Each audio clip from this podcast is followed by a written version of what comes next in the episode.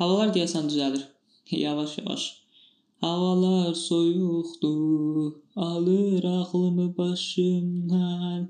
Havalar bu nə girişdir? Belə giriş olar ha. Axırıncı dəfə bloq yazmağı yoxladım. 2-3 il gördüm olmur, dedim şansımı podkastda sınayım. Populyar olmayan hər sayı soxuşdurmağa çalışıram özümü. Belə bir ehtiyac var imiş kimi hiss edirəm. Hazır Azərbaycanda da podkast yayımlayan və dinləyən yoxdur deyə girişdim bura. Podkast dediyin nədir ki, gülüm? Heç nə bildiyimiz radionun sosial medialıdır. Bizdə də TV olmadığı kimi radioda yoxdur. YouTube bərbad vəziyyətdədir, Spotify-da. Hmm, sorry, Spotify dedim. Bizdə Spotify yoxdur. Amma Google Podcast var, şükür. iPod, iPhone, iPhone podkast salı bizdə var, bilmirəm. Yanında da adam yoxdur, soruşum. Kasıfıq, kasıf. iPhone-da olduğunu da bilmirik. Hacı, mən ağlıma qoymuşdum mütləq Spotify-da zətdə bir podcast podcast podcast podcast proqramım olmalı idi demişəm özümə. Amma sizcə nə çatışmır? Pul yox o deyil. Əslində pul da çatışmır. O başqa məsələ. İlk dəfə araşdıranda baxdım, ay mikrofon lazımdır, nə bilim, hosting lazımdır, audio audio audio editing Adobe Audition lazımdır. Bunların da hamısı bir dünya puldur.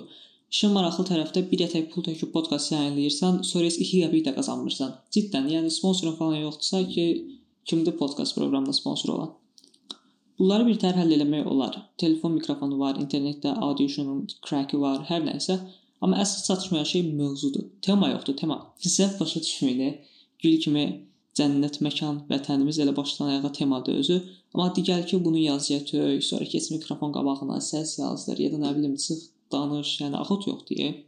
Ələxsus, ələxsus, ələxsus. ələxsus sözü Azərbaycan lüğətində var, niyə işləmir? Niyə kim işlətmir? Bax ələxsus sözü. Kstati deyirsiniz. Bunun əvəzinə ələxsus deyin də, gül kimi ələxsus var. Sözün məqsədindadır ki, nə danışacağımı mən də bilmirəm. İlk 3 dəqiqə önəmlidir, çünki əsas fikrini ilk 3 dəqiqədə ifadə edə bilmədinsə getdi. Ona görə də söhbəti uzatmadan ki, söhbət uzanmaq üçündür. Nəysə, gəlin söhbəti uzadaq. Səhər yürüyüşünə çıxanda ki, səhər yürüyüşünə çıxan var ala. Yolda maşınla ya da kasıbsızsa, avtobusda gedəndə, əlinizdə nəsə iş görəndə başa düşdünüz də. Qulaqlarınızın nəyisə dinləməyə axat olanda qulağınızı asmağınız üçündür podkast. Bu ilə zarafatla davam edirik. Kiçik söhbətləri 1-ci sezonun ilk bölümünə xoş gəlmisiniz. İlk bölümdə qarşınızdayım. Nəysə, o hiss alanda yoxdur. Tək qalmışam, bax, tək qalmı. Burada 2 dəqiqə favoritli söhbət edirik, imkan verin də.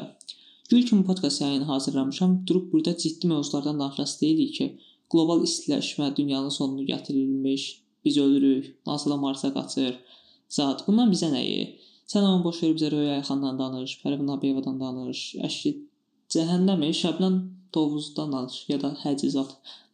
Gördün tutmur TikTok çək, o da olmasa keç YouTube-a. TikTok yerləri YouTube-da razborkaya çağır. Ala dəqiqəyi. Bu mənim ağlıma indiyə qədər niyə gəlməmişdi ha? Nəsə, sizə səsləndirmək gözəldir. Mən getdim YouTube-a, davay görüşərik. Özünüzə yaxşı baxın, öpdüm. Özümə nifrət edirəm. Bu nə hörmətsiz, bu nə disrespectful söhbətlərdir. Keç. Şöhrət, dəyər, dost, yalnızlıq Bu dörd söz arasında əlaqədən danışım mənə biraz. Mən danışım, okey. İnsanlar dəyərli hiss et. E, yox hala olmur, yeri yoxdur. Burada ciddi söhbət eləmək istəmirəm, alınmaz başqa vaxt. Gəlin e, sizə Şah İsmaildən danışım. Beləcə tarixdən zərrə qədər xəbər olmayan ya da oxuduğu tək şey 7-ci sinif Azərbaycan tarixi olan bəzi milliyyətçi dostlarımızın şah damarına basmış olaram. Şah İsmail günümüzdə yaşamış olsaydı necə olardı görəsən? 14 yaşlı uşaqsan, yaşların bir dəqiqəyə 14 yaş 8-ci sinifdə, hə? Ayda, nə günlər idi yala. Bir dəfə iki bir müəllim girmiş 8-ci sinifdə dərslərimizdən birini əvəzə. Sizə baxıb fikirləşirəm ki, görəsən mən də 8-ci sinifdə belə olmuşam demişdi üzümüzə. Hələ də unutmuram. Bizə nə yaxşı idi. İndiki 14 yaşlılara baxıram. Hmm, nəysə, bundan danışmayım indi. Dəhşət qütbləşmə variantları arasında 2 qütb yox ha, ən az 7-8 qütbdən söhbət gedir. Bu başqa mövzudur. Bəlkə bir gün ətraflı danışarıq. Qayıdaq 14 yaşında prezident olan çevrilişlə Şah İsmayıla. Bir dəqiqə qapı döyülür. 2 dəqiqə gözlüyün gəlirəm. Hayır, sən bura. Ha, ay sağ. Mən mən yox. Neyinirsiniz? Mən hələ uşağam, hə, mən mən hələ uşağam. Heç nə, DTX gəlmişdi, çevriliş sözünə eşitdim ona görə. DTX open the door. DTX. DTX open the door. Open the door. Open the door. Yaxşı ki Azərbaycanda Spotify yoxdur. İsmail günümüzdə yaşa saytı yəqin 1-2 il prezident olub, həvəsini alıb, sonra YouTube kanalı açardı. TikTokerlərlə savaş açdım, söhbətə çağırdım. ya da Lələ Hüseyn Şamlıya qışqırtmaq çox əsəbləşdi. Açırsan YouTube trendlərdə birinci yerdə Avropadan aldığım torpa Toplar toplu paket açılışı zaten. İkinci yerdə yenə təbii ki Şah İsmail, Fərrux Yasara diz, Cəbanı da qoydum 2021. Üçüncü yer Dəhnamə Popuri 2021 mix. Nəsə sizi bilən çıxartmayaq. Dördüncü yerdə çaldıran vloq olar yəqin. Yaxşı məşhur deyiləm, yoxsa bu saat Instagramda yüzlərlə söyüş gəlmişdi. Bəziləri durub mən tarix başa salmağa başlamışdı.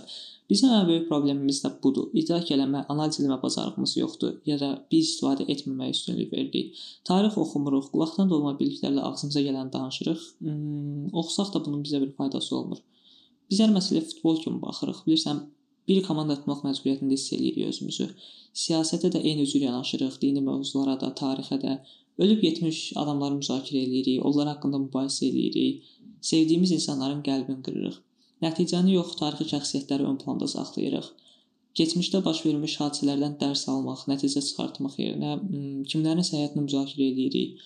Düşüncələri, doğruları özümüzə işıq etmək əvəzinə həqiqətlərin arxasınca getmək yerinə mütləq ki, bir günahı olan insanın tərəfini saxlamaq, onları özümüzə rəhbər eləmə ehtiyacı hiss edirik. Keçmiş keçmişdə qalıb da şəxsiyyətdə hesab etdiyimiz insanların mütləq ki, bir çox xətaları, səhvləri, günahları var. O yanlışları görüb dərs almaq lazımdır. Onların üstünə ört-basdır edib ölüb getmiş adamın tərəfini saxlamağa çalışmaq yox, ya da ölüb getmiş adamın günahını götürüb kiminsə sifətinə çırpmağa çalışmaq yox. Qaqaz qızıl xırdalayır burada, qızıl xırdalayır. Görüm neçə dəqiqədir mən podkast yayınına başlamışam. 8 dəqiqə olub uje. Podkast yayınımızın 8-ci dəqiqəsinə xoş gəlmisiniz. Alqışlar, alqış, alqış, alqış, alqış. Görüm tutsa əgər məsələn ikinci bölümü yarım saat eləyə bilərəm. Çünki yarım saat podkastlar daha maraqlıdır, amma indiki biraz qısa olsun. Zarafat yox, bir şey yox. Özümüz üçün danışırıq da. Ciddi mövzular da yox. Gülməli də deyil. Danışmaq gözəldir, danışaq. Nəsə danışaq. Siz mövzular yazarsınız. Belə tək də maraqsız deyə Google Podcast yazmışam. Podkastlara qulaq asıram fərqli-fərqli.